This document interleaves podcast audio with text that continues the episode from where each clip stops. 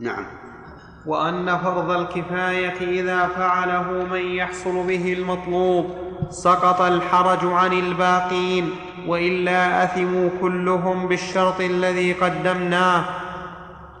هذا واضح. وأن من ملك انشاء عقد ملك الإقرار به. نعم. هذا صحيح. من ملك انشاء عقد ملك الإقرار به. فمثلا الولي اليتيم يملك أن يبيع ماله لمصلحة. فإذا أقر بأنه باع مال اليتيم على فلان قبل. أليس كذلك؟ لكن لو جاء زيد وادعى أنه باع مال عمرو. إيش؟ ما ما يقبل إقراره. لأنه لا يملك إنشاءه وأن النكاح والنسب مبنيان على الاحتياط. صحيح. النكاح مبني على الاحتياط. والنسب مبني على الاحتياط ما لم يكن أصل. كان هناك أصل فإنه مقدم على الاحتياط. فمثلا إذا شككنا في صحة العقد لعدم توافر شروطه. فهنا الاحتياط أن لا أن نجدد العقد. الاحتياط أن نجدد العقد. وأما إذا شككنا في هذا الصبي هل رضع من هذه المرأة خمس رضعات أو أقل؟ فهنا إيش؟ تحرم عليه ولا لا؟ لا تحرم عليه. لا تحرم عليه لأن الأصل عدم ذلك. فهذا في الحقيقة يرجع إلى الأصل يعني النسب كذلك. إذا شككنا في كون هذا الولد لفلان أو لا فإن نحتاط. لكن يجب أن نعلم أن الشارع له نظر في ثبوت الأنساب. ولهذا إذا ادعى رجل أن هذا ولده وأمكن أن يكون ولدا له ولم يكن له معارض إيش؟ حكم له به لأن الشر له نظر في إثبات الأنساب. حتى إن النبي عليه الصلاة والسلام جعل النسب للزوج إذا زنت امرأته وادعى الزاني أن الولد ولده. فإن الولد لمن؟ للفراش وللعاهر الحجر. كل هذا نظرا لثبوت الأنساب. ولو كان للزاني لم يكن له نسب. نعم جاء دور. قلنا أن اللواط يعني ليس ليس له نعم نعم. كيف هذا صلى الله عليه وسلم؟ أي.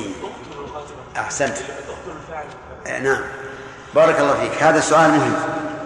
أنا أرى أن عقوبة اللائط والملوط به حد شرعي واجب وأن حده أغلظ من حد الزنا لأنه يجب قتل الفاعل والمفعول به متى متى كانا بالغين عاقلين سواء كان متزوجين أو غير متزوجين. بينما الزنا لا يجب قتله إلا إذا كان قد تزوج وجامع الزوجة أيضا. والدليل كما قلت من وجدتموه يعمل عمل قوم لوط فاقتلوا الفاعل والمفعول به لكنه ليس من الأشياء المجمع عليها. حد الزنا مجمع عليه حد السرقة مجمع عليه ما في إشكال. لكن اللائط لا يعني اللواء قصد حده ليس مجمعا عليه. فلهذا قلنا ليس من لأن بعض العلماء يقول إن اللواط عقوبته تعزير. عقوبته تعزير.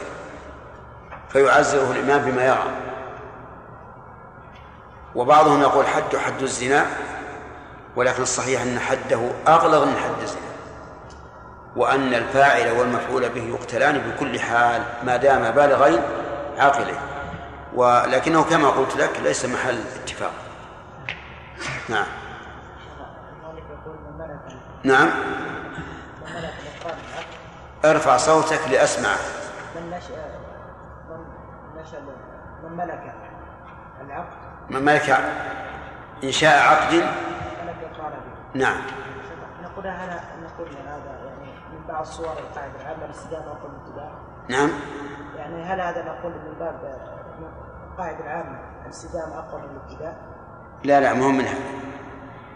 لا لأن ها- الإقرار شيء آخر يعني معناه إذا إذا ملك إنسان الشيء ملك الإقرار به. الوكيل يملك بيع السلعة الموكل في بيعها ويملك الإقرار بكل شيء ما يتعلق بها. نعم.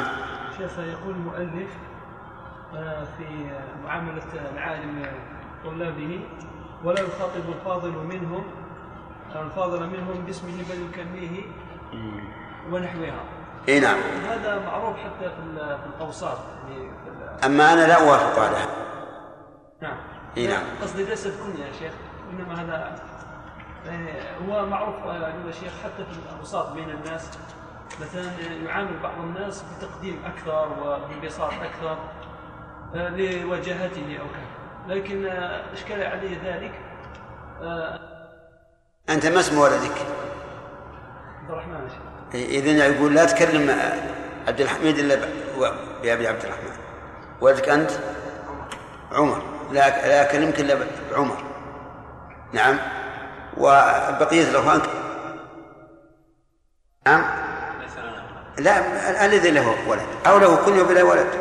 في من يكون يتكنى بلا ولد. لكن أنا لا أوافق على هذا. ما هو صحيح. وإن كان الكنية الآن شاعت بين بين الشباب تجده إنسان ما له إلا يمكن 18 سنة ولا ولا عنده ولد ولا زوج. نعم. كيف؟ لا أعرف خمس سنوات أدري. لكن على كل حال أشوف اللي يكتبون الآن. كتبه أبو عبد الرحمن. كتبه أبو عبد الرحمن. ثم عبارة أيضا أشكلت عليه. وأراها في في عبارات كثير من ال- الأجلة. إذا انتهى من الكلام قال وكتب أبو فلان كذا وكذا. وكتب. ما أدري من جاءت هذه. وكان المفروض أن يقول وكتبه. فيأتي بالضمير. أو كتب بيد فلان من فلان. كتب بيد فلان. أما كتب فلان كذا ويحذف المفعول بدون بدون سبب. نعم؟ والواو أيضا بعد فيها نظر لكنه أهون. لكن حذف الضمير غريب. أنا وجدت ب... ب... يعني بكتابة أ- أناس أجلة علماء. فلا أدري من أين أخذ أخذوا هذه. ولا أستبعد أن بعض علماء الحديث وبعض الرواة آه، لما ساق الحديث قال وكتب كذا وتقلدوه. لأن كثير من العبارات يأتي بالتقليد. نعم. شيخ ما سألت؟ إيش؟ ما سألت سؤالي. إيش؟ أسأل السؤال كيف مسألة؟ ما سألت. أنا أنا يعني ذكرتها لكي ذكرت كلام المؤلف لكي أسأل عن سؤال ثاني غير هذا. إيش السؤال الثاني؟ أقول معروف مثلا حتى يقولون أنه من باب الآداب. أن يعامل الإنسان بعض الأشخاص معاملة خاصة عن غيرهم من المسلمين. نعم نعم.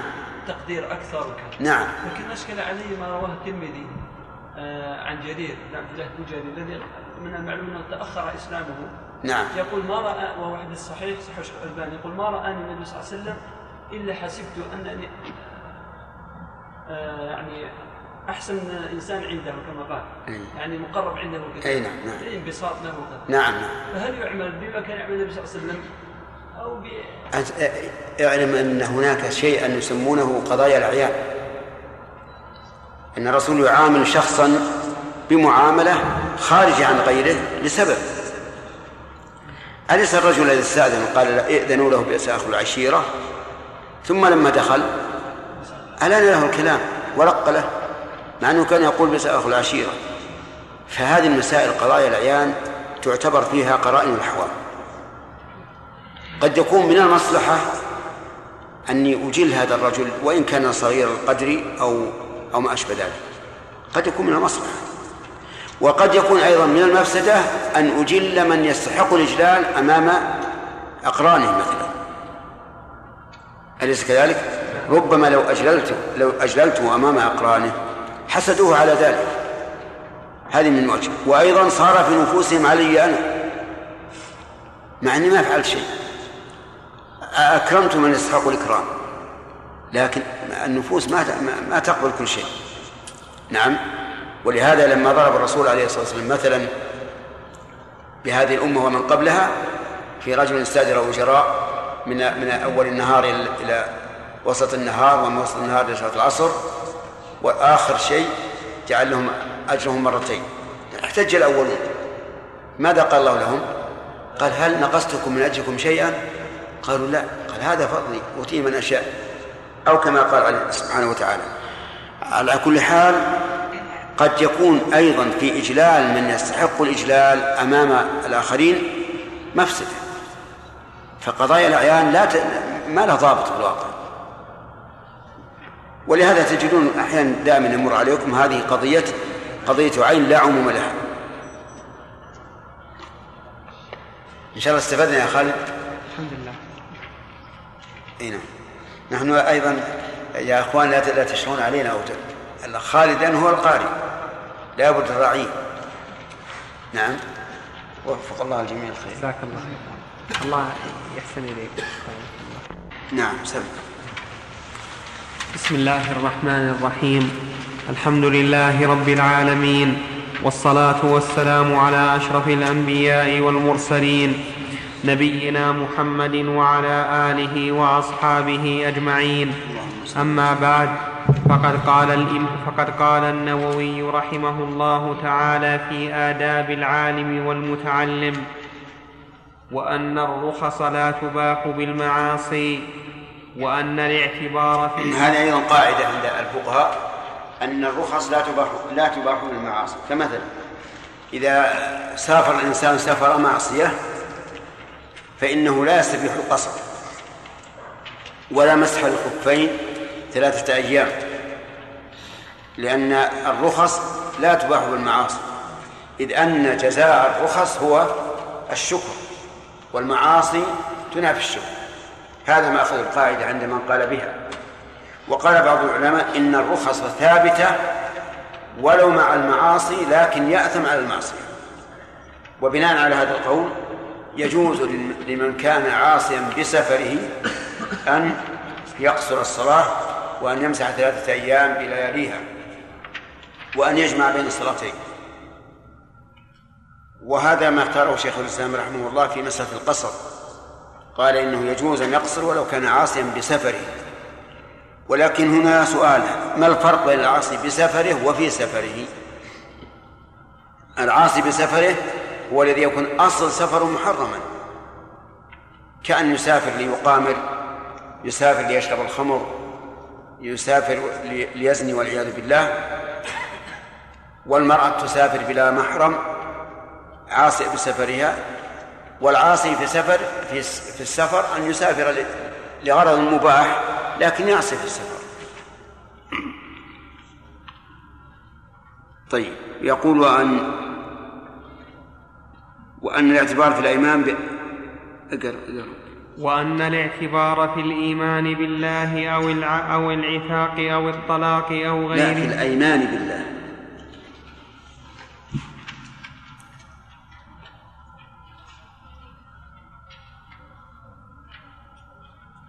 وأن الاعتبار في الأيمان بالله أو العتاق أو الطلاق أو غيرها بنية الحالف إلا أن يكون المستحلف قاضيا فاستحلفها لله. لله تعالى لدعوى اقتضت فإن الاعتبار بنية القاضي أو الله تستحلفها بالله. سم. عندكم لله؟ لله. كل النسخ؟ اكتبوا لعلها بالله.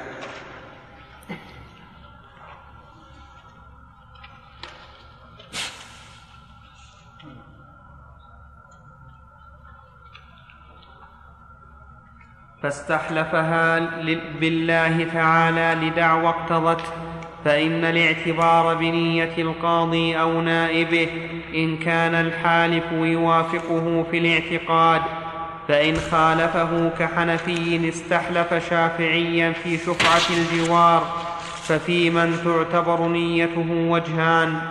نعم. آه، سبق أن اليمين على نية الحالف لكن بشرط. ما هو؟ أن يحتملها اللفظ. يرجع في الأيمان إلى نية الحالف إذا احتملها اللفظ. فإن لم يكن له نية رجعنا إلى سبب اليمين. فإن لم يكن لليمين سبب رجعنا إلى ما يقتضيه اللفظ. عرفا أو لغة أو شرعا مر علينا هذا. طيب. وكذلك بالطلاق الحلف بالطلاق أو العتاق. مثل أن يقول إن فعلت كذا فعبدي حر إن فعلت كذا فزوجتي طالق. هذا الأول يمين بالعتاق والثاني يمين بالطلاق. نعم. أما إذا كان المستحلف قاضيا فهذه على نية المستحلف وكذلك إذا كان المستحلف آه، مدعا عليه أو مدعيا وتوجهت اليمين عليه فهي على نية من استحلفه. نعم.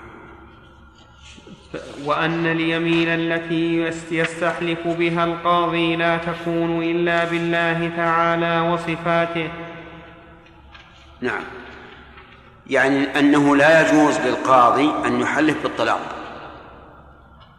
فلا يجوز مثل القاضي إذا توجهت اليمين على المنكر أو على المدعي فيما إذا أقام شاهدا لا يجوز أن يقول احلف بالطلاق وإنما يحلفه بالله عز وجل. وصفاته معروفة صفات مثل عزة الله علم الله قدرة الله وجه الله وما أشبهه. نعم. وأن الضمان يجب في مال المتلف في, في مال في مال المتلف بغير متلف. وأن الضمان يجب في مال المتلف بغير حق سواء كان مكلفا أو غيره بشرط كونه من أهل الضمان في حق المتلف عليه فقولنا من أهل الضمان احتراز من إتلاف المسلم مال الحربي و مال الحربي ونفسه. مال حربي ونفسه. احتراز من إتلاف المسلم مال حربي ونفسه وعكسه. وقول في حقه وقولنا في حقه احتراز من إتلاف العبد مال سيده إلا أن يكون المتلف قات المتلف قاتلا قاتلا خطأ أو شبه عمد. فإن الدية على عاقلته وأن السيد هذا واضح الآن. الإتلاف مضمون على كل حال سواء كان المتلف مكلفا أو غير مكلف عاقل يعني عاقل أو غير عاقل صغير أو كبير. فلو أن مجنونا اعتدى على مال شخص وأتلفه فعليه فعليه الضمان وكذلك لو كان صغيرا وكذلك لو كان نائما انقلب على مال شخص فأتلفه فعليه الضمان. المهم الضمان لا يشترط فيه البلوغ ولا العقل ولا القصد. يضمن بكل حال. إلا ما كان إلا ما كان غير محترم وغير معصوم كإتلاف المسلم مال الحربي هذا لا ضمان فيه. لأن أصل المال الحربي يجوز إيه إتلافه. وكذلك بالعكس إتلاف الحربي مال المسلم. لأن الحربيين لا يضمنون أموالنا ونحن لا نضمن أموالهم. أن بيننا وبينهم حرب وليس بيننا عهد. فنحن نضمن لهم؟ نعم فهم لا يضمنون أموالنا ونحن لا نضمن أموالهم لأنهم أهل حرب. وقول في حقه احتراز من إتلاف العبد مال سيده. العبد إذا أتلف مال سيده نقول عليه الضمان. أين يرجع في الضمان؟ بيرجع على السيد. فلا فائدة من هذا نعم. وقول وأن السيد لا يثبت له مال في ذمة عبده ابتداء وفي ثبوته دواما وجهان. ابتداء واضح.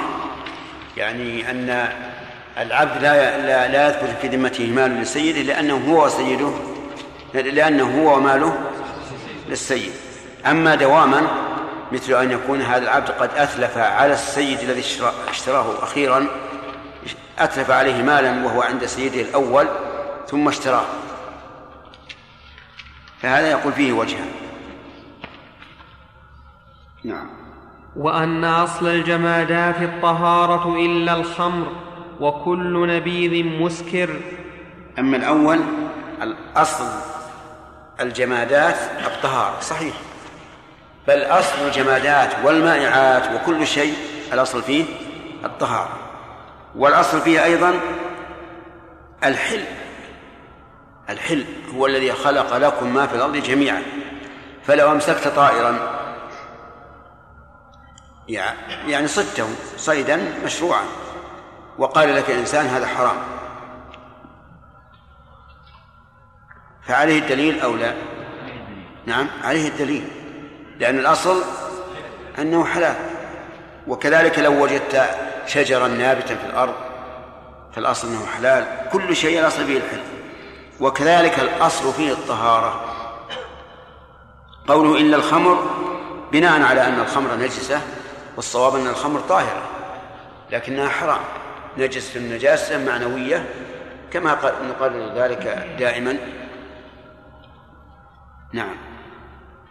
وأن الحيوان وأن الحيوان على الطهارة إلا الكلب والخنزير وفرع أحدهما. يعني إلا الخمر وإلا كل نبيذ مسكر النبيذ المسكر خمر على قول الراجح طيب الحيوان على الطهارة إلا الكلب والخنزير وفروع أحدهما. الاستثناء هذا قاصر. يعني نقول إلا الكلب والحمار وسباع البهائم كلها نجسة اللهم إلا أن يكون هذا قول آخر لا نعلمه وهو أن جميع الحيوانات كلها طاهرة. إلا هذه فلا, فلا ندري. تحتاج إلى النظر في أقوال العلماء. أما المعروف عندنا عند في مذهب الحنابلة أنها أن هذه الأشياء كلها نجسة. كل محرم نجس. إلا ما كان يطوف علينا. كالهرة والحمار والبغل وما أشبهه. لأن النبي صلى الله عليه وعلى آله وسلم قال في الهرة إنها ليست بنجس إنها من الطوافين عليكم. ومعروف أن المذهب يجعلون العلة صغر جسمها. ويقول الهرة فما دونها طاهر وما فوقها نجس ولكن هذا ليس هو التعليل الذي علل به النبي صلى الله عليه وسلم بل علل بأنها من الطوافين وأنها لو كانت نجسة لشق ذلك على العباد والله عز وجل يقول ما جعل عليكم في الدين من حرج. نعم. ويبين له جمل ويبين له جمل جملا مما يحتاج إليه وينضبط له من أصول الفقه وترتيب الأدلة من الكتاب والسنة والإجماع والقياس واستصحاب الحال عند من يقول به. يعني معناه أنه ينبغي للمعلم أن يبين للطالب ما يحتاج إليه من هذه الضوابط. لأنه كما قلنا سابقا المهم أن يعرف الطالب إيش؟ الأصول والضوابط والقواعد. ما هو أن يفعل كل كل مسألة بنفسها؟ يعني ليس المقصود أن يعلم كل مسألة بنفسها بل أن يتعلم القواعد والأصول حتى يبني عليها الفروع نعم. ويبين له أنواع الأقيسة ودرجاتها وكيفية استثمار الأدلة. نعم نمشي. هذه وي... درس بأصول الفقه. ويبين حد الأمر والنهي والعموم والخصوص والمجمل والمبين والناسخ والمنسوخ وأن صيغة الأمر على وجوه وأنه عند تجربه على وجوه يعني بعضها للوجوب وبعضها للاستحباب وبعضها للإباحة وبعضها للتهديد حسب السياق. نعم. وأنه عند تجرده يحمل على الوجوب عند جماهير الفقهاء وأن اللفظ أنه يعني إيه نعم. يحمل عند تجرده يعني من القرينة على الوجوب. نعم. وأن اللفظ يحمل يحمل على عمومه وحقيقته حتى يرد دليل تخصيص ومجاز. وأن اقسام ودليل هذا من قول الرسول صلى الله عليه وسلم في التشهد في قول السلام علينا وعلى عباد الله الصالحين قال إنكم إذا قلتم ذلك فقد سلمتم على كل عبد صالح في السماء والأرض. أخذنا العموم منين؟ من قوله عباد الله. فهذا جمع مضاف فيعم جميع العباد في السماء والأرض. فكل ما فكلما أتاك لفظ عام فهو على عمومه إلا بدليل. نعم. وأن أقسام الحكم الشرعي خمسة الوجوب والندب والتحريم والكراهة والإباحة. وينقسم باعتبار آخر إلى صحيح وفاسد فالواجب ما يذم ما, ما يذم تاركه شرعا على بعض الوجوه احترازا من الواجب الموسع والمخير. وقيل ما يستحق العقاب تاركه فهذان أصح فهذان أصح ما قيل فيه. رحم الله النووي. أصح ما قيل في الواجب هو الذي أثيب فاعله. واستحق العقاب تاركه. هذا أصح ما ما ما, ما قيل فيه. والمؤلف رحمه الله النووي ما ما أتى بالثواب إطلاقا بل أتى بالسلب. والإتيان بالسلب دون الإيجاب هذا يعتبره العلماء نقصا وعيبا لأن النفس تتطلع إلى الموجب أكثر من تطلعها إلى المنفي والسلبي. إذا نقول الواجب ليس ما يذم تاركه أو ما يستحق العقاب تاركه. نقول واجب ما أثيب فاعله. هذا أهم. والثاني استحق العقاب تاركه. أو نقول وعوقب تاركه. استحق العقاب لأن تارك الواجب قد يعفو الله عنه. نعم. وال والمندوب ما رجح فعله شرعا وجاز تركه. وعلى صح يقال ما أثيب فاعله ولم يعاقب تاركه. والمحرم ما يذم فاعله شرعا والمكروه ما نهى عنه الشرع نهيا غير جازم. والمباح ما جاء الشرع بأنه لا فرق بين فعله وتركه في حق المكلف. رحمه الله. يعني كان ينبغي لما قال المحرم ما يذم فاعله شرعا أن يقال المكروه ما ما لا, ما لا يذم ما لم يذم فاعله مع النهي. أو يقول المحرم ما نهي عنه نهيا جازما نعم. وعلى كل حال أن نقول الصحيح في تعريف المحرم ما نهي عنه على وجه الإلزام بالترك. ما نهي عنه على وجه الإلزام بالترك. أما حكمه فإنه يثاب تاركه امتثالا ويستحق العقوب ويستحق العقوبة فاعله. نعم. والصحيح من العقول ما ترتب أثره عليه. ومن العبادات ما أسقط القضاء والباطل والفاسد خلاف الصحيح. صح كلام صحيح. الصحيح والفاسد نعم. تحتاج بيان. ومن العبادات ما أسقط القضاء. نعم. نعم يعني ما أسقط القضاء أو ما سقط به القضاء. المعنى واحد. فإذا صلى الإنسان صلاة على أنها على أنها صحيحة. ثم بعد ذلك تبين أنه على غير الطهارة. فهنا يسقط القضاء أو لا يسقط؟ إذن الصلاة غير صحيحة. فإن سقط القضاء فالصلاة صحيحة. وبعض ال- الأصوليين يقول ما ما برئت به الذمة وسقط به القضاء. ولا فرق. لا فرق بين هذا وهذا. طيب. ال- الباطل والفاسد خلاف الصحيح. لكن هل بين الباطل والفاسد فرق؟ نعم. أكثر العلماء يقول لا فرق. وبعضهم يقول الباطل ما نهي عنه لذاته والفاسد ما نهي عنه لصفته. فبيع الخمر مثلا باطل. وبيع صاع بصاعين فاسد. وبعضهم يقول الباطل والفاسد بمعنى واحد إلا في بابين وهما باب الحج والعمرة وباب النكاح. فالباطل في الحج والعمرة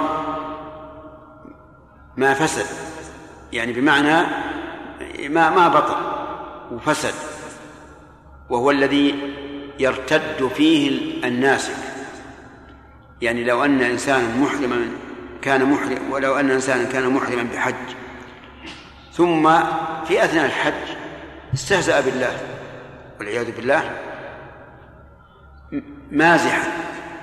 يقول حجه الآن بطل ولا يلزمه الاستمرار فيه بل يخرج منه.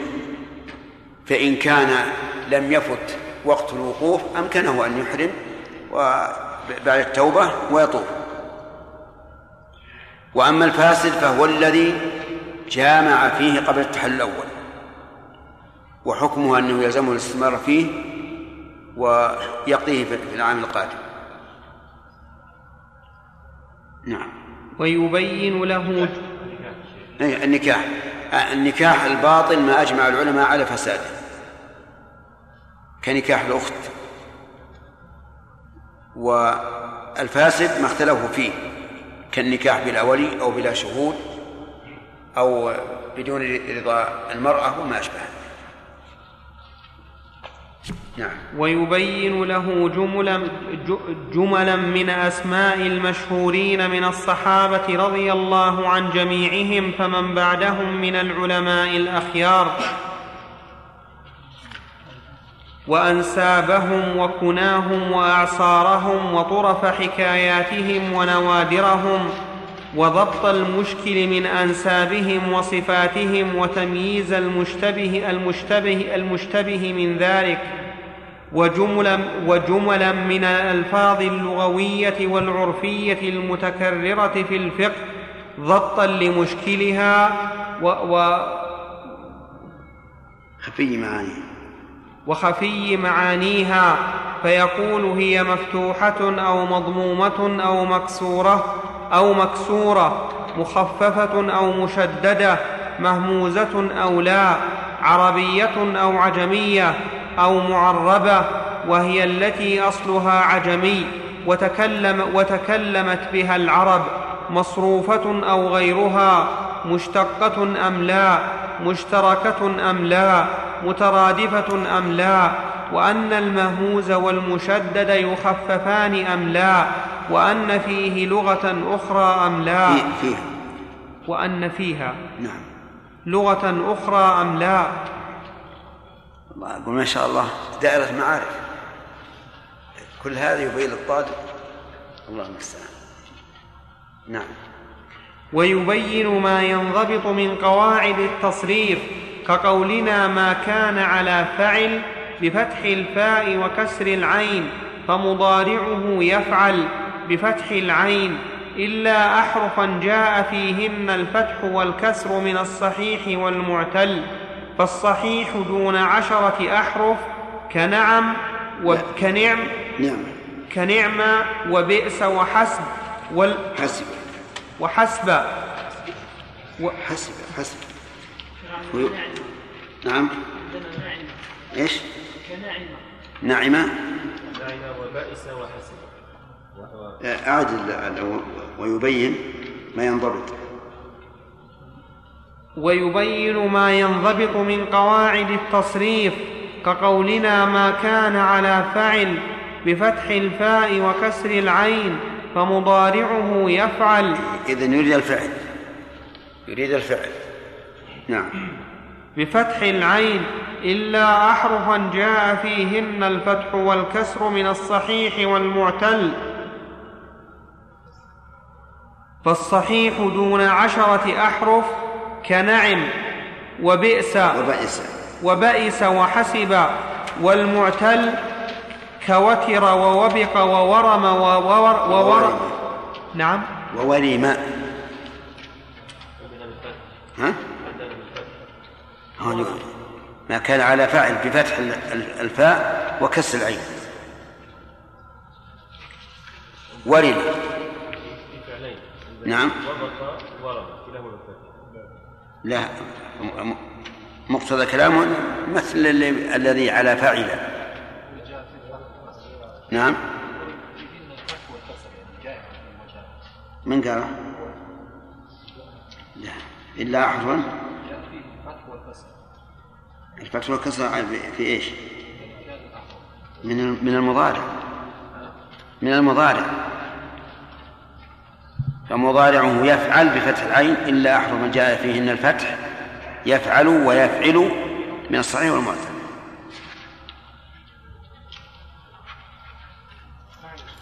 نعم. يعني نعم. الآن اختلافنا في لفظها. ووري لا أما وري معروف. وبق إن كان ينغف في أبق أبق العبد مات وري من من إيقاد النار. نعم. وتر من الوتر معروف. نعم نمشي نمشي ما علينا من هذا. ووري أرجع للغة. ووري الزند, وغيرهن. وأما ما كان من الأسماء والأفعال على فعل بكسر العين جاز فيه أيضا إسكانها مع فتح الفاء وكسرها. فإن كان الثاني أو الثالث حرف حل حلق جاز فيه وجه الرابع فعل بكسر الفاء والعين. وإذا وقعت مسألة غريبة لطيفة أو مما يسأل عنها في المعايات نبه عليها وعرفه حالها في كل ذلك. يعني المعايات وغز الإلغاز. هنا. ويكون تعليمه ويكون تعليمه إياهم كل ذلك تدريجا شيئا فشيئا لتجتمع لهم مع طول الزمان جمل كثيرات. وينبغي أن يحرضهم على الاشتغال في كل وقت ويطالبهم في أوقات بإعادة محفوظاتهم ويسألهم عما ذكره لهم من المهمات فمن وجده حافظه مراعيا له أكرمه وأثنى عليه وأشاع ذلك ما لم يخف فساد حاله بإعجاب ونحوه.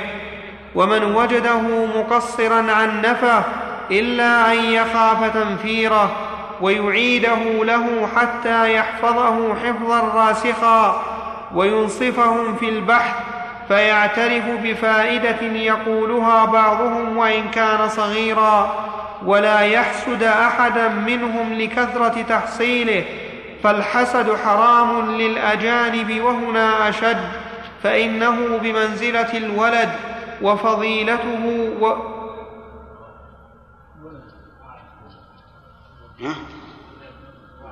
إيش؟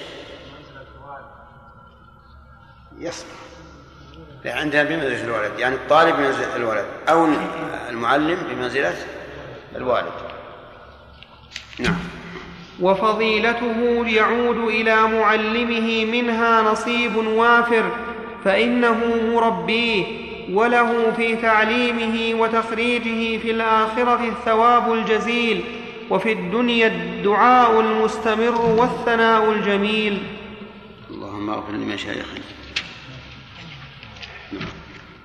وينبغي أن يقدم في تعليمهم إذا ازدحموا الأسبق فالأسبق ولا يقدمه في أكثر, في أكثر من درس إلا برضا الباقين. وإذا ذكر لهم درسا تحرى تفهيمهم بأيسر الطرق ويذكره مترسلا مبينا واضحا. مبين مبينا واضحا. ويكرر ما يشكل من معانيه وألفاظه إلا إذا وثق بأن جميع الحاضرين يفهمونه بدون ذلك. وإذا نعم. يفهمونه بدون بدون ضمير. لا الضمير أحسن. لأنه قال ويكرر ما يشكل. نعم. وإذا لم يكمل البيان إلا بالتصريح بعبارة يستحيا في العادة من ذكرها فليذكرها بصريح اسمها ولا يمنعه الحياء ومراعاة الأدب من ذلك فإن إ... فإن إيضاحها أنا يا شيخ أرغب منكم جزاكم الله خيرا أن الاخوه ما ما يتكلفون الرد يدعون الرد عندكم. فإن هذا صحيح. ادعى إلى احترام المعلم وتقديره والقيام بحقه أما يرد أحد من هنا وآخر من هنا. لا بس يعني هم ما يرفعون الصوت. لو ترفع الصوت كان أحسن. على كل حال حتى الخلاف اللي اللي بين النسخ يسير يعني ما هو. نعم. فإن إيضاحها أهم من ذلك. وإنما تستحب الكناية في مثل هذا إذا علم بها المقصود علما جليا وعلى هذا التفصيل يحمل ما ورد في الأحاديث من التصريح في وقت في وقت والكناية في وقت ويؤخر ما ينبغي تأخيره ويقدم ويؤخر ما ينبغي تأخيره ويقدم ما ينبغي تقديمه ويقف في موضع الوقف ويصل في موضع الوصل وإذا وصل موضع الدرس صلى ركعتين. كل هذه التوجيهات جيدة من المؤلف رحمه الله. جيدة جدا. وأهم شيء تفهيم الطلبة. لكن قوله بأن. إلا إذا وثق بأن جميع الحاضرين يفهمونه هذا مشكل صعب. لأنه إذا كان في الحاضرين من آه، أخذ مرحلة جيدة في العلم وآخر تو مبتدئ الآن؟ يصعب أنك تقول سوف سوف أفهم المبتدئ. يشق هذا على على الأول. لكن الإنسان يراعي يراعي الحال. نعم. وإذا وصل موضع الدرس صلى ركعتين فإن كان مسجدا تأكد الحث على الصلاة ويقعد مستقبلا القبلة على طهارة متربعا إن شاء وإن شاء محتبيا وغير ذلك. ويجلس بوقت شاء وإن شاء صار متربعا ومحتبيا. إذا تعب أو مل من إحدى الجلستين فلا حرج أن يجلس الأخرى. ولكن بقي قعوده مستقبل القبلة. هل نقول إن هذا سنة وأن الرسول صلى الله عليه وسلم كان يتحرى ذلك أن يستقبل القبلة على عند تعليم أصحابه. هذه مسألة يجب علينا أن ننتبه لها وهي أن العمومات الواردة لا تقيد المطلقة لا تقيد بشيء إلا بدليل. عرفتم القاعدة هذه؟ العمومات النصوص العامة المطلقة لا تقيد إلا بشيء إلا بدليل. فمثلا استقبال القبلة معروف أنه أفضل من استدباره على سبيل العموم لكن هل نقول إذا جلست فتحرى أن تكون مستقبل القبلة وإذا جلست التعليم فتحرى أن تكون مستقبل القبلة وإذا جلست الأكل فتحرى أن تكون مستقبل القبلة هذا يحتاج إلى دليل الصلاة على النبي عليه الصلاة والسلام مشروعة كل وقت أليس كذلك؟ هل نقول كلما فعلت شيء فصل على النبي؟ لا. في مواضع يكره الصلاة على الرسول عليه الصلاة والسلام كعند الذبح مثلا. عند الذبح قل بسم الله ولا تصلي على النبي صلى الله عليه وسلم. وهذه قاعدة مفيدة. الأذكار مشروعة لا شك في كل وقت ذكر الله. لكن لو أراد الإنسان أن يجعل ذكر الله مقيدا بحال من الأحوال قلنا عليك عليك الدليل. أي نعم. فهذه قاعدة مهمة. فكون المعلم يجلس مستقبل القبلة ونقول هذا مستحب بدون دليل في النفس منه شيء. ثم إذا قلنا اجلس مستقبل القبلة ستكون ظهور المتعلمين إيش؟ إلى القبلة فيستدبرونها نعم. ولو ولو أخذنا بالإنصاف والعدل قلنا يجلس والقبلة على يمينه أو شماله ليكون جلوس الطلبة كذلك. على اليمين أو على اليسار إلا طرف الحلقة فلا بد أن يكون مستقبل أو مستدبر. الصلاة ركعتين في المسجد. حتى لو لم يكن في المسجد. أي نعم. هذا أيضا يحتاج إلى دليل. إذا كان في غير المسجد يحتاج إلى دليل. ولذلك لا نرى أنه يسن له إذا أتى موضع الجلسة يصلي ركعتين لا في المدرسة ولا في في في أي مكان سوى المسجد. نعم. تعرف الاحتباء؟ ما هذا الاحتباء؟ إي نعم. وبعضهم يحتبي بسير أو شبه. يجعل مثل الغترة والشمار ويحتبي عليه. ويجلس بوقار وثيابه نظيفة بيض ولا يعتني بفاخر الثياب ولا يقتصر على خلق يجلس خلق. على خلق على خلق بفتح اللام ولا يقتصر على خلق ينسب صاحبه خلق إيه. ولا يقتصر على خلق ينسب صاحبه إلى قلة المروءة ويحس طيب قوله رحمه الله بوقار لا شك. الوقار من خي- خير ما يتحلى به المعلم. ثيابه نظيفة أيضا طيب. لأنه ينبغي الإنسان أن تكون ثيابه نظيفة دائما. بيض لأن الرسول حث على البياض. لكن إذا كان في أيام الشتاء ولم يجد ثيابا آه، صفيقة يلبسها ولم يجد إلا ملونا فلا بأس. ما يضر. الرسول كان عليه حلة حمراء عليه الصلاة والسلام. نعم. ويحسن خلقه مع جلسائه ويوقر فاضلهم بعلم أو سن أو شرف أو صلاح ونحو ذلك. ويتلطف بالباقين ويرفع مجلس الفضلاء. ويكرمهم بالقيام لهم على سبيل الاحترام. وقد ينكر, وقد ينكر القيام من لا تحقيق وقد ينكر القيام من لا تحقيق عنده.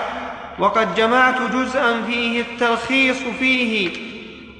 وقد وقد جمع وقد جمعت جزءا فيه الترخيص فيه. ودلائله ودلائله والجواب عن عما يوهم كراهته. القيام ينقسم إلى ثلاثة أقسام. قيام إلى الرجل وهذا يعني مقابلته. مثل أن رأيت رجلا دخل المسجد وهو رجل فاضل فقمت ولاقيته. هذا لا بأس به. وقد قال النبي عليه الصلاة والسلام قوموا إلى سيدكم. يعني سعد بن معاذ رضي الله عنه حين جاء لي- لي- ليحكم في اليهود. والثاني قيام على الرجل. هذا لا يجوز. يعني بمعنى أن تقف على على رأسه هذا لا يجوز. حتى أن الرسول عليه الصلاة والسلام لما صلى بأصحابه قاعدا وهم قيام أشار إليهم أن يجلسوا. ونهى أن يقف الإنسان على أش... على أخيه كما تفعل الأعاجم في ملوكها. إلا إذا كان لمصلحة أو حاجة. فلا بأس. إذا كان لمصلحة ك إهابة هيبة الأعداء وما أشبه ذلك فلا بأس. ودليله ما فعله المغيرة بن شعبة رضي الله عنه حين كائما حين كان قائما على رأس النبي صلى الله عليه وسلم أثناء مراسلة قريش له في صلح الحديبية. كان قائما ومعه السيف. هذا لأجل إيش؟ إغاظة الأعداء. وزرع الهيبة في قلوبهم أو لحاجة مثل أن يخشى العدوان على هذا الرجل الذي قام على رأسه فيقوم على رأسه دفعا لما يتوقع من الشر. بقي القسم الثالث القيام للرجل. القيام للرجل. هذا لا شك أن الأفضل ترك لأن الصحابة ما كانوا يقومون للرسول عليه الصلاة والسلام. وهو أشرف من يقام له. لكن إذا اعتاده الناس وكان في تركه مفسدة فالأفضل فعله إزالة لهذه المفسدة. ما دام الرسول ما نهى عنه ويكرهه ولا نهى عنه. لو كان مكروها شرعا لنهى عنه عليه الصلاة والسلام. فهذا حسب ما تقتضيه الحال. إن اعتاد الناس تركه فلا شك أنه أفضل. وإن لم وإن لم يعتادوا ذلك فإن الإنسان لا يعرض نفسه للقيل والقال. لأنه لو قام الناس إلا هو قالوا هذا رجل إيش متكبر. ولو كان من دخل يكرم بمثل هذا أي بالقيام له ثم لم تقم له لقال هذا يهينني وما أشبه ذلك. لكن بالنسبة لمن يقام له هذا لا لا, لا يجوز أن أن يتمنى ذلك وأن يحب أن يتمثل له الناس قياما لأن في ذلك الوعيد. الشيخ رحمه الله يقول أنه ينكر القيام من لا تحقيق عنده وهذه كلمة قوية. يعني مثل إنسان لما رأى شخصا قائما لآخر أنكر, أنكر عليه. يقول يقول النووي رحمه الله إن هذا المنكر ليس عنده تحقيق لأن فيه نصوص تدل على جواز مثل هذا. نعم. مثل الإنسان يا شيخ يجلس ويقبل طالب علم وهذا يعرف يعرف وده إنه يحترم طالب العلم هذا يحترم. ويقوم طالب العلم هذا لاحترامه يحترمون الباقيين. هذا يا شيخ هذا أقول لا بأس به. هذا لمصلحة. شرافي. بارك الله فيكم. اعتاد في بعض الأوساط إذا دخل كبير أن يقام له ويجلس قيام ويجلس فقط. من غير سلام مثلا يمر مثلا. إيه؟ وما أشبه ذلك. هي هي مسألة هي مسألة. يقومون ويجلسون اي نعم هذه مسألة. نعم. قلنا ان كل حرام ونجس قاعدة. لا. القاعدة كل نجس حرام. وليس كل حرام نجسا نعم. إي نعم. هذا إذا احتاج لا بأس. لأنه ما قام عليه لكنه قام له في الواقع لخدمته. أخذ كم؟ الآن هذا وقت السؤال. أو دخل وقت؟ الشيخ يقول الإمام النووي وأن الأمر عند تجرده يحمل على الوجوب عند جماهير الفقهاء. نعم. وأخذنا في السابق أن الأصل أن الأمر إذا أطلق فإنه الاستحداث لأن الذمة يعني لا تلزم هل أخذنا هذا؟ نعم. أبدا. أقول أبدا. أقول اليوم قال الأخ أحمد آه، بس أعلم فقلت أن الأصل في ذلك ما قلت لكم الآن. أنه يذكر ما قلنا هذا؟ نعم. قلنا في خلاف بين العلماء على هذا التقوال إذن الراجح هذا؟ الراجح يظهر أن الراجح فيما كان من العبادات أن أنه الوجوب وما كان من الآداب فهو الاستحباب. هذا الظاهر والله أعلم. مع أن المسألة تحتاج إلى تأمل يعني هذه القاعدة غير منضبطة. تأتي أوامر كثيرة يقول العلماء فيها أنها للاستحباب نعم. أحسن الله إليك. في قول ال- ال- النووي رحمه الله في إتلاف الحرب مال المسلم نعم. أنه لا يضمن. نعم. مع أن الصديق رضي الله عنه في حربه للمرتدين نعم. ألزمهم بأن يدوا قتل المسلمين وأن المسلمين لا يدوا قتلاهم. ما ما ما أعرف المسألة. لا أعرف المسألة. ولعل الصديق يقول هؤلاء لا يقرون على كفرهم. في الأصل المرتد لا يقر على كفره فهو خارج عن الإسلام لكن بخلاف الكافر الأصل. فقتال هؤلاء المرتدين ليس كقتال غيرهم. يعني لو قالوا نريد أن نبذل الجزية ما نقبل منهم حتى يرجعوا للإسلام. أنا ما أعرف المسألة لكن إن كان كذلك فهذا وجهه اللهم صل على محمد اللهم رب هذه الدعوة آت محمدا الوسيلة والفضيلة والبعث المقام محمود ينبغي أنه يسأل عن هذا الجزء اللي ذكره النووي. هل يوجد وهل طبع؟ نعم. موجود؟ ها؟ هذا؟ يقصد الرسالة ولا رسالة اي موجودة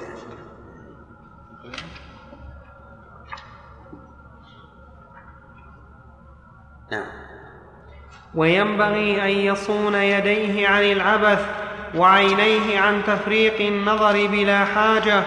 ويلتفت إلى الحاضرين التفاتا قصدا بحسب الحاجة للخطاب. قصدا يعني لا كثيرا. نعم. ويجلس في موضع يبرز, يبرز فيه وجهه لكلهم.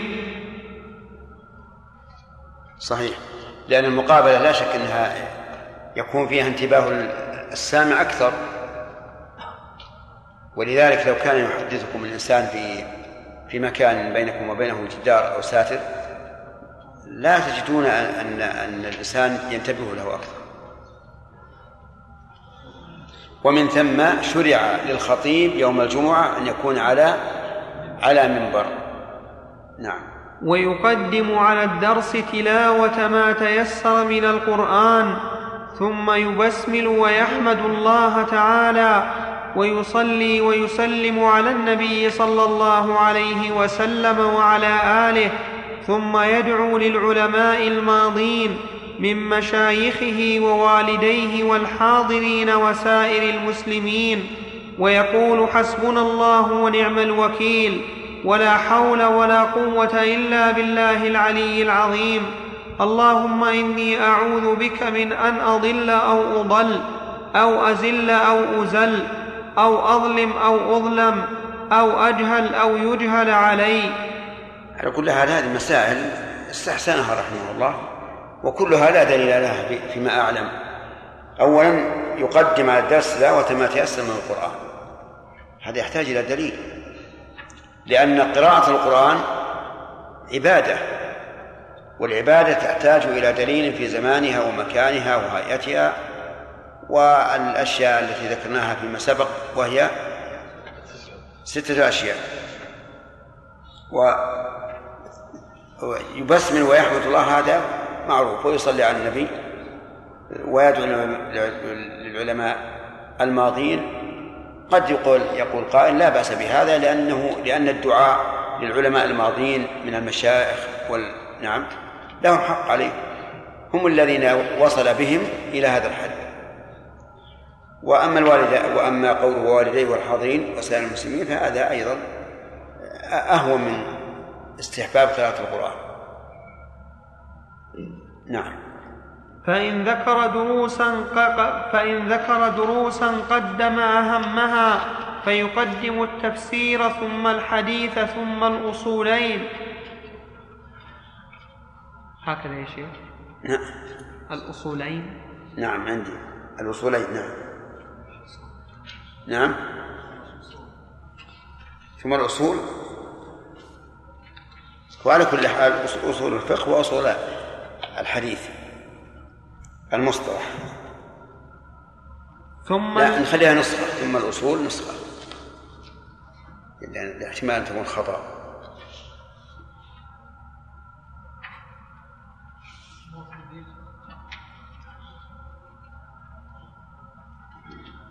ثم الأصول نسخة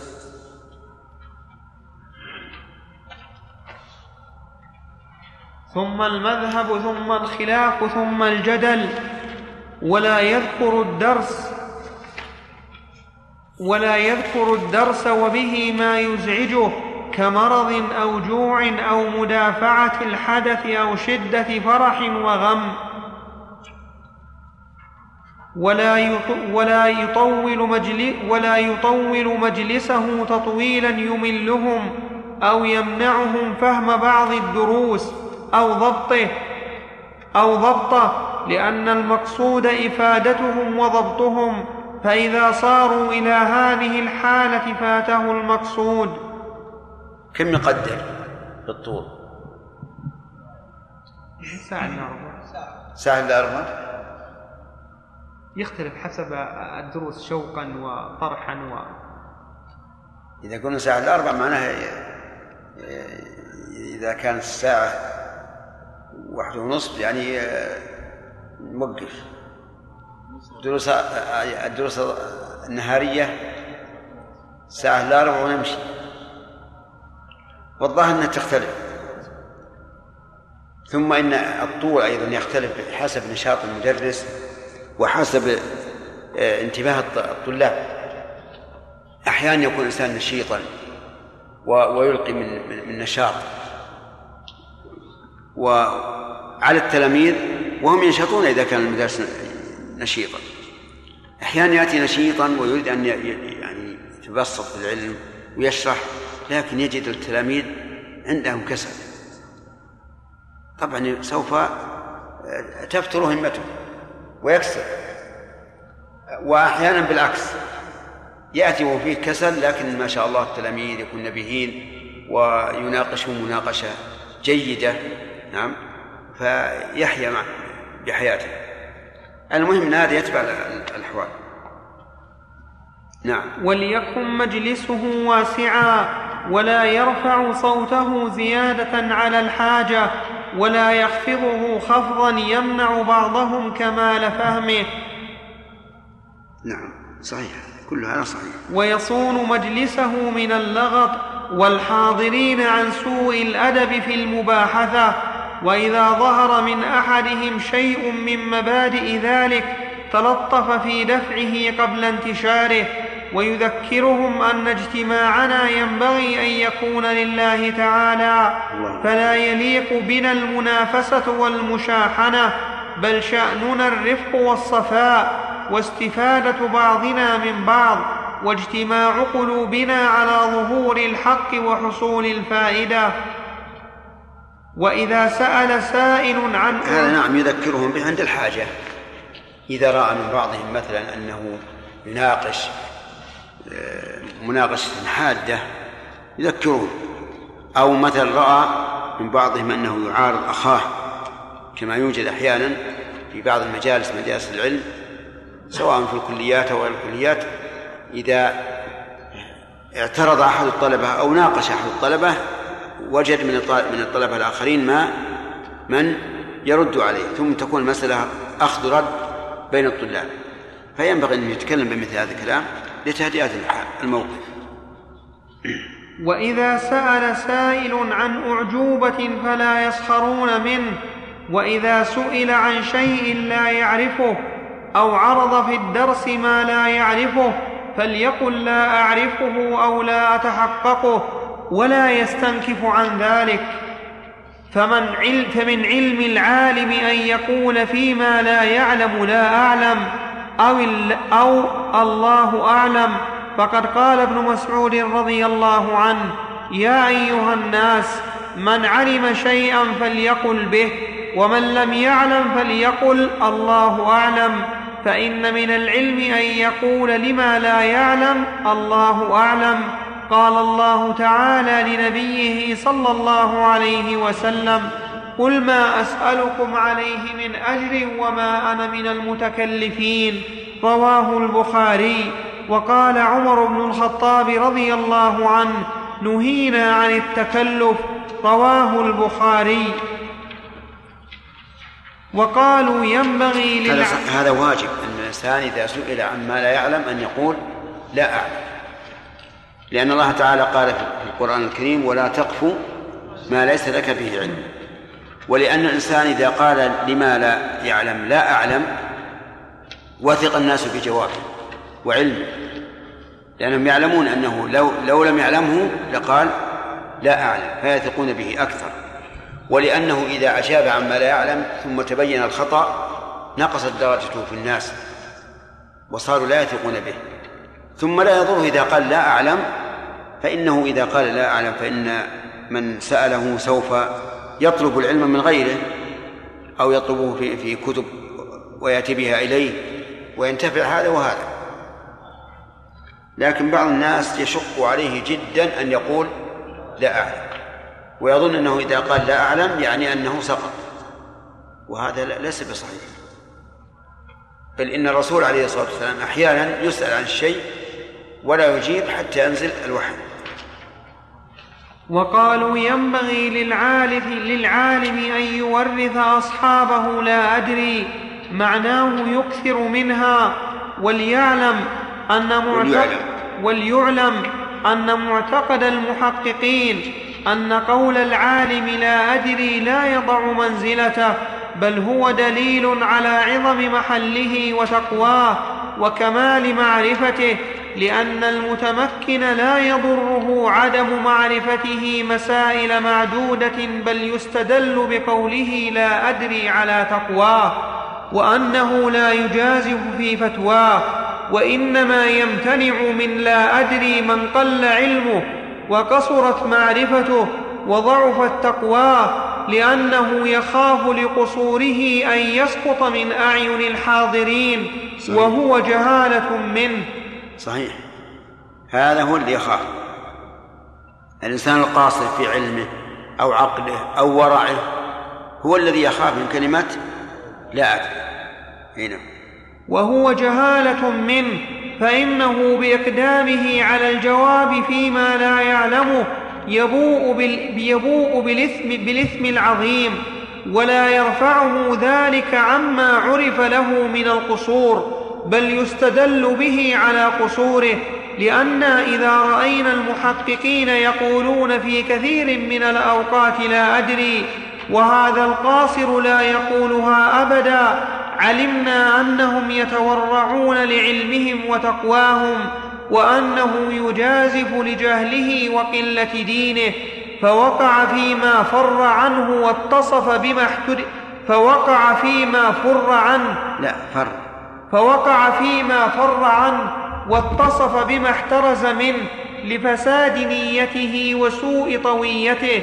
وفي الصحيح عن رسول الله صلى الله عليه وسلم المتشبع بما لم يعط كلابس ثوبي زور ثم أنه نعم كما قال آه، المؤلف ثم أنه قد يفتضح. إذا كان كلما سئل أجاب بدون علم. وتبين الناس اخطاء تبين الناس أخطاؤه فإنه يفتضح ويعلم إنه ما ليس عنده علم ولا تقوى لكن إذا قال فيما لا يعلم لا أدري فإن الناس يثقون به أكثر نعم. وينبغي للمعلم أن يطرح على أصحابه ما يراه من مستفاد المسائل ويخت... ويختب... ويختبر بذلك أفهامهم ويظهر فضل الفاضل ويثني عليه بذلك ترغيبا له وللباقين في الاشتغال والفكر في العلم. ولي وليتدربوا بذلك ويعتادوه. ولا يعنف من غلط منهم في كل ذلك إلا أن يرى تعنيفه مصلحة له.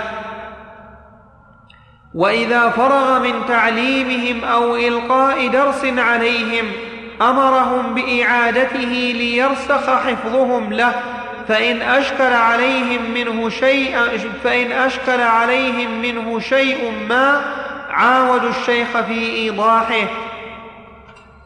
نعم وهذه طريقة طيبة أن المعلم يعيد على الطلبة ما أخذوه من قبل ليختبرهم وليرسخ العلم في نفوسهم فصل نعم.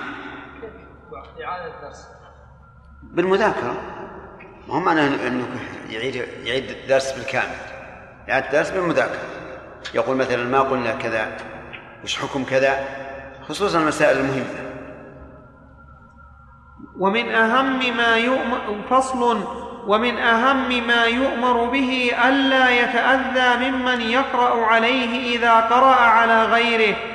وهذه مصيبة يبتلى بها جهلة المعلمين لغباوتهم وفساد نيتهم وهو من الدلائل الصريحة على عدم إرادتهم بالتعليم وجه الله تعالى الكريم. وقد قدمنا عن علي رضي الله عنه الإغلاظ في ذلك والتأكيد في التحذير منه وهذا إذا كان المعلم الآخر أهلا فإن كان فاسقا أو مبتدعا أو كثير الغلط ونحو, ونحو ذلك فليحذر من الاغترار به وبالله التوفيق. صحيح.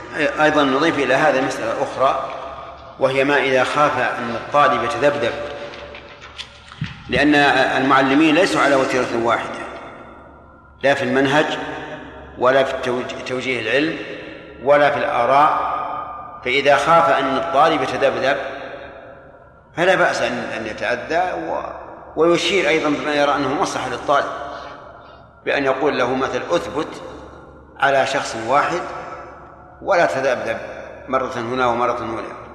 كذلك أيضا إذا رأى من من الطالب أنه مرة يقرأ في هذا الكتاب ومرة في هذا الكتاب فليحذره لأن لأنه إذا فعل ذلك ضاع عليه الوقت.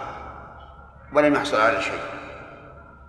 وقد ذكر لي أن الشيخ عبد الله بابطير رحمه الله مفتي البلاد النجدية في زمنه وله حاشية معروف على الروض المربع أنه أنه لا لزم لزم الروض المربع ولم يطالع سواه في الفقه لكنه صار يقرأه ويتفهمه منطوقا ومفهوما وإشارة وإيماء وحتى برز في الفقه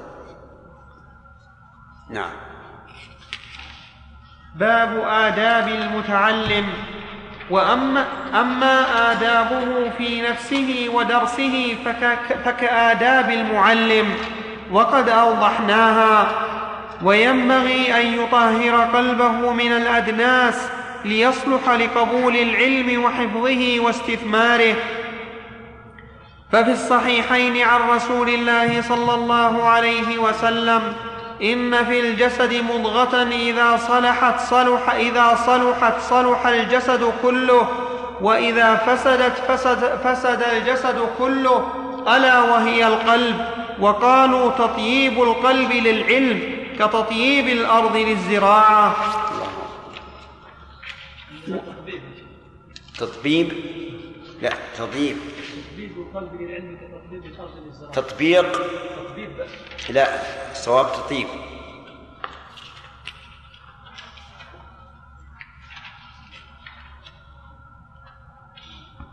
وينبغي أن يقطع العلائق الشاغلة عن كمال الاجتهاد في التحصيل ويرضى باليسير من القوت ويصبر على ضيق العيش.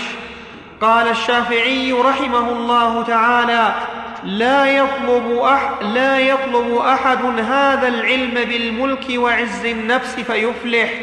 ولكن من طلبه بذل النفس وضيق العيش وخدمة العلماء أفلح. وقال أيضا لا يدرك العلم إلا بالصبر على الذل. وقال أيضا لا يصلح طلب لا يصلح طلب العلم إلا لمفلس.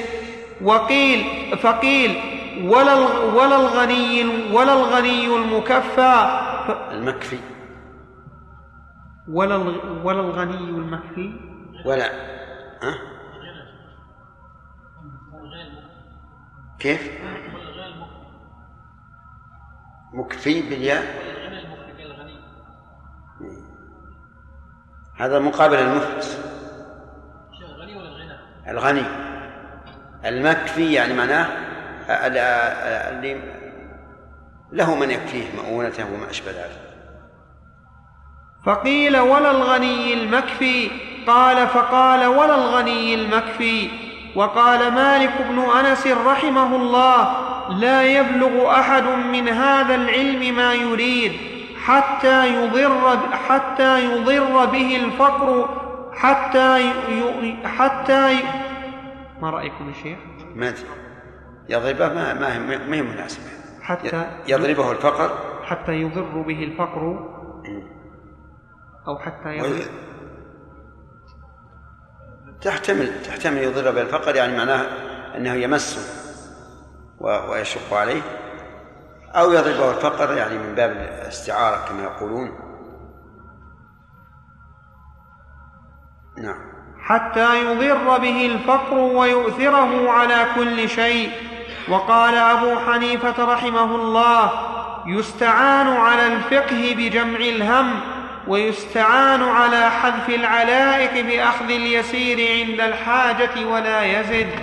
وقال إبراهيم الآجري من طلب العلم بالفاقة ورث الفهم. وقال الخطيب البغدادي في كتابه الجامع لآداب الراوي والسامع يستحب للطالب أن يكون عزبا ما أمكنه لئلا يقطعه الاشتغال بحقوق الزوجة والاهتمام بما لئلا يقطعه الاشتغال بحقوق الزوجة والاهتمام بالمعيشة عن إكمال طلب العلم. أما هذا لا نوافق عليه إطلاقا. كيف الرسول يقول يا معشر الشباب من استطاع منكم الباء فليتزوج ونحن نقول يا معشر الطالب لا تتزوج. هذا أقول بعيد عن الصواب. نعم. أيهم؟ فيها الغنى والفقر. كيف؟ صحيح كلام ولا في لا هو يعني معناه إذا كان إذا كان طلب الدنيا يحول بينه وبين طلب العلم فطلب العلم أفضل ويغنيه الله. لكن مسألة مسألة العزوبة هذه ما ما يوافق عليها إطلاقا.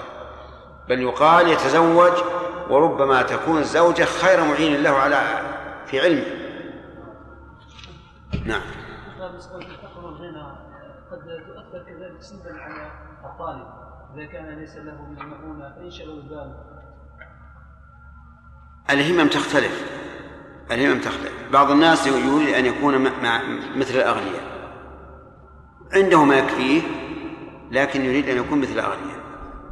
وبعض الناس يكتفي بالأكل يوم يوم في اليوم مرة واحدة. نعم. واحتج بحديث خيركم بعد المئتين خفيف الحاذ وهو الذي لا أهل له ولا ولد. هذا هذا ما له أصل لا شك. أقول ليس له أصل. وعن إبراهيم بن أدهم رحمه الله من تعود أفخاذ النساء لم يفلح يعني اشتغل بهن وهذا في غالب الناس لا الخواص. وعن سفيان الثوري صحيح يعني من انهمك في هذا الشيء وليس له هم الا هذا يشغل لا شك. لكن كون يكون قصدا ومتأسيا بالرسول عليه الصلاة والسلام فإن العلماء قالوا إن النكاح مع الشهوة أفضل من نوافل العبادة. يعني لو قال قائل أنا أريد أن أقوم أتهجد أو أن أستمتع بأهلي وهو ذو شهوة قلنا استمتع بأهلك. أفضل. أفضل من نوافل العبادة. أما كونه يريد أن العزوبة هذا لا يوافق عليه. نعم. وعن سفيان الثوري إذا تزوج الفقيه فقد ركب البحر. فإن ولد له فقد كسر به. أعوذ بالله. الله يعفو عنه. يعفو الله عنه. وقال سفيان لرجل تزوجت فقال لا. قال ما تدري ما أنت فيه من العافية. لا إله إلا الله. نعم. أقول عجائب أن توجد العبارات هذه من هؤلاء الأجلة. مع علم بأن الرسول يحث على الزواج وأنه تزوج وقال خيركم خيركم لأهله وإذا كان أعزب من الأهل إذا كان أمه خالته وعمته. نعم. وعن بشر الحافي رحمه الله من لم يحتج إلى النساء فليتق الله ولا يعلف أفخاذهن. قلت هذا كله موافق لمذهبنا. فإن مذهبنا أن من لم يحتج إلى النكاح استحب له تركه وكذا إن احتاج وعجز عن مؤونته. وفي الصحيحين عن أسامة بن زيد رضي الله عنهما عن النبي صلى الله عليه وسلم أنه قال ما تركت ما تركت بعدي فتنة هي أضر على الرجال من النساء. وفي صحيح مسلم عن أبي سعيد. هل مراد الرسول الأزواج؟ نعم سبحان الله. هذا غريب. آه. نعم. إي نعم. عندي يقول المراد بالنساء هنا وفي الحديث بعده النساء الفاجرات أما الحرائر فلا. وقد حث رسول الله صلى الله عليه وسلم على الزواج حتى إنه صلى الله عليه وسلم لما علم بأن بعض الصحابة عزم على الإضراب عن, عن الزواج قال أما أنا فأصوم وأفطر وأتزوج النساء فمن رغب عن سنتي فليس مني. هذا حق. غير؟ بعد؟ اي ما هي؟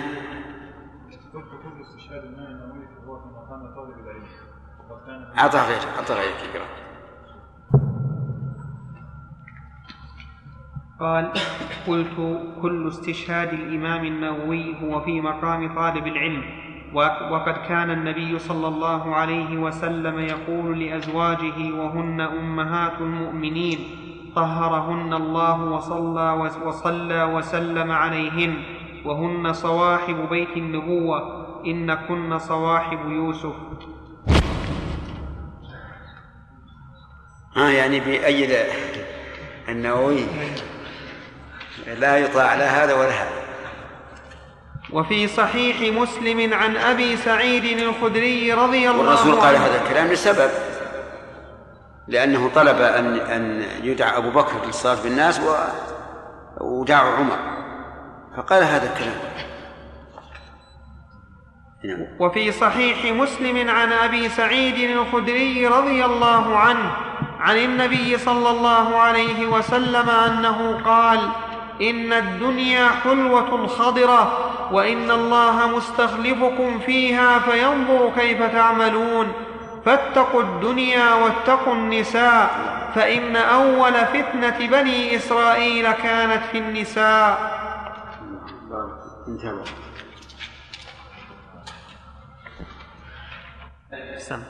بسم الله الرحمن الرحيم.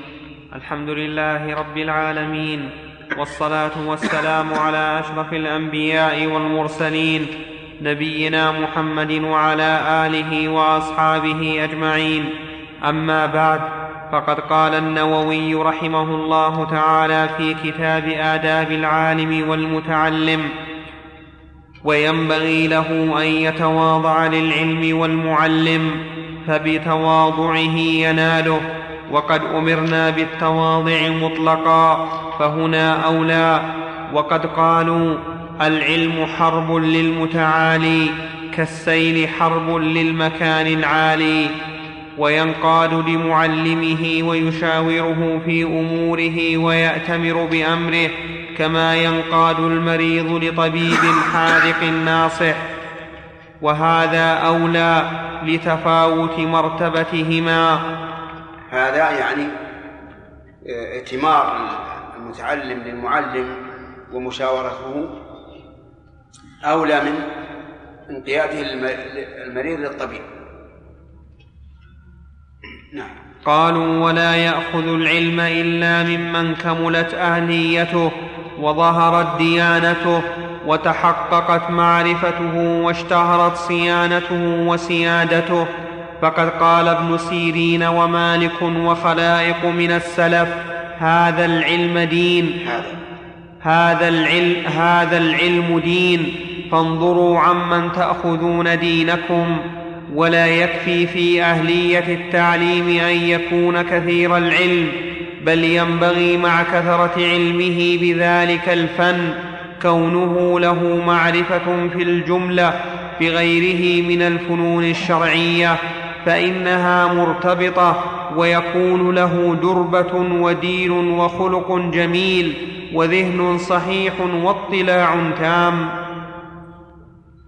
طيب يقول العلم لا يؤخذ إلا ممن كملت أهليته وظهرت ديانته وتحققت معرفته واشتهرت صيانته وسيادته يعني لا تأخذ العلم عن كل إنسان بل لا بد أن يكون ذا دين وعلم. لأن من ليس عنده علم جاهل فليس أهلا لأن يعلم. ومن عنده علم ليس لكن ليس عنده دين فإنه لا يوثق به. قد يعلم الناس ما يضرهم وهم لا يشعرون. ولا سيما إذا كان هذا في أمور العقيدة. فإنها خطيرة جدا.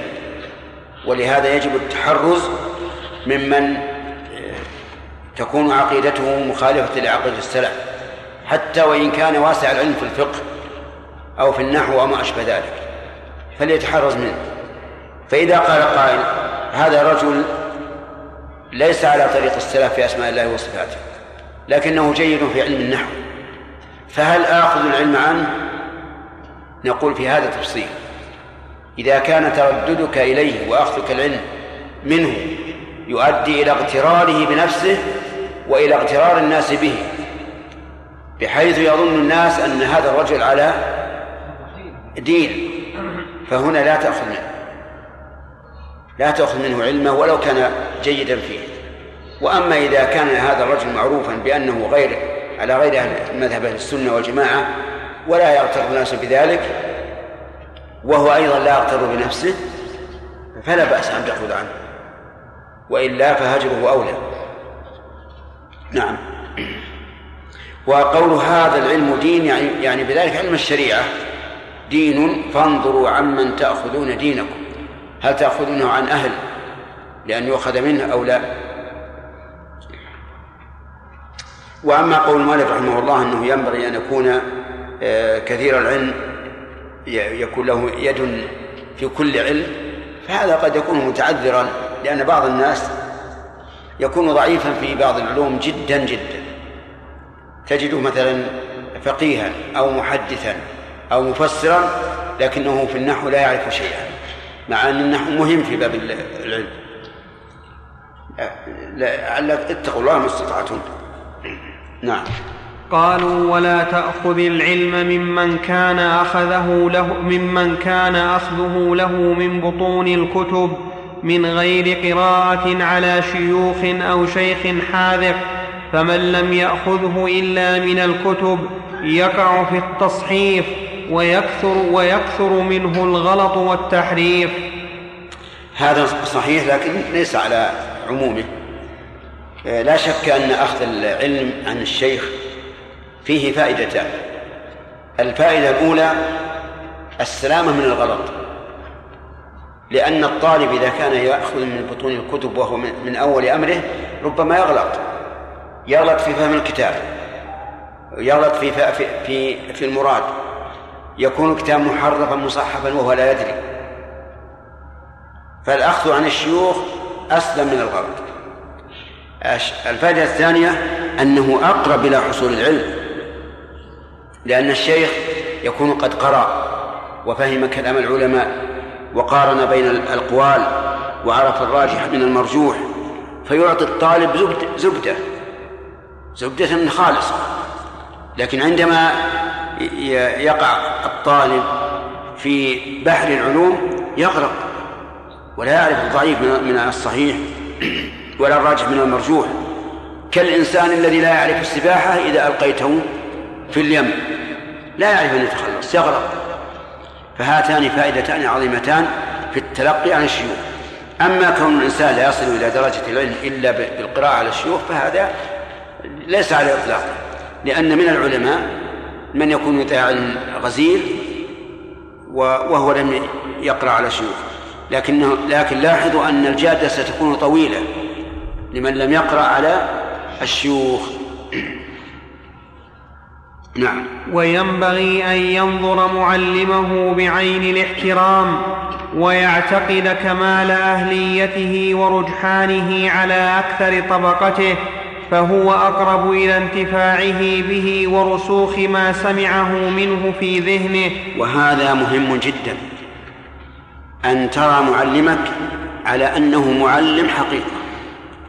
تنظره بعين الاحترام وبأن قوله مقبول وأنه راجع على أكثر طبقته أما أن تنظره وكأنه ند لك يعني أن أنك في درجة أو تنظره وأنت تنظر إلى أن غيره مثله مثله أو أعظم منه فإنك لن تستفيد. لن تستفيد من علمه. ولن ولن ولن يكون قدوة لك. وهذا نشاهده كثيرا في بعض الطلبة.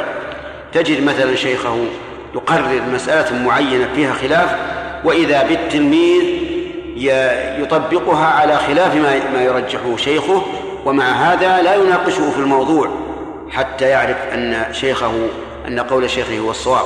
لا يضرب برأي شيخه عرض الحائط ويأخذ بما يراه من أقوال كانت في ذهنه سابقا أو كانت لاحقا أيضا. وهذا يفقد الطالب الانتفاع بشيخه. انتبهوا لهذا. لن تنتفعوا بمعلمكم وأنتم تعتقدون أنكم أنداد له أو أن غيره مثله أو أرجح منه أو أنه أو أن رأيه قابل للمناقشة أو ما أشبه ذلك. ولست أريد أن تعتقدوا أن أن المعلم معصوم. ليس أحد ليس أحد من الناس معصوم إلا رسول الله صلى الله, عليه وسلم. لكن إذا كان عندكم إشكال فناقشوا المعلم. ناقشوا حتى يبين لكم. ولهذا أمثلة لا أحب أن أذكرها الآن لكنها معلومة. يعني تجد المعلم يقرر مسألة ويؤكدها ويذكر أدلتها ويجيب عن المخالف وإذا بالتلاميذ أنفسهم بعضهم يخالف في هذا. ويعمل خلاف ما يقوله شيخ. إذا معنى ما وثق به. لا وثق بعلمه ولا وثق بدينه ولا أنه يقول للطلبة ما يدين الله به. وهذه مسألة ثقوا بأنكم لن تنتفعوا. على أي شيء قرأتم؟ إذا لم يكن آه، معلمكم قدوة لكم في علمه وفي عمله وفي ما يدين الله به فلن تنتفعوا منه. ولست أكرر أن هذا ليس ليس يعني أن الإنسان معصوم. الإنسان يخطئ وما أكثر خطأه. لكن يجب أن يحترم مع معلمه في رأيه وفي عمله. وإذا كان لديه شيء فالمناقشة باب المناقشة مفتوح. وإذا كان يخشى أن يسيء الأدب في كيفية المناقشة يستطيع أن يناقش مع معلمه وحده. ولقد كنا نقتدي بشيخنا عبد الرحمن بن سعدي رحمه الله حتى في المشي وحتى في لباس البشت وفي في كل شيء. لأننا نعتقد أنه شيخنا إمامنا قدوة قدوتنا. نعتبره قدوة لنا. فهذه نقطة مهمة ذكرها النووي رحمه الله. نعم. وقد كان بعض المتقدمين يقول هو أقرب لانتفاعه به. هذه واحد. والرسوخ ما سمعه منه في ذهنه. نعم. وهذه الثانية وقد كان بعض المتقدمين إذا ذهب إلى معلمه تصدق بشيء وقال اللهم استر عيب معلمي عني. ولا تذهب بركة علمه مني. لأنه إذا رأى عيب معلمه سقط من عينه بقدر ما رأى من عيبه.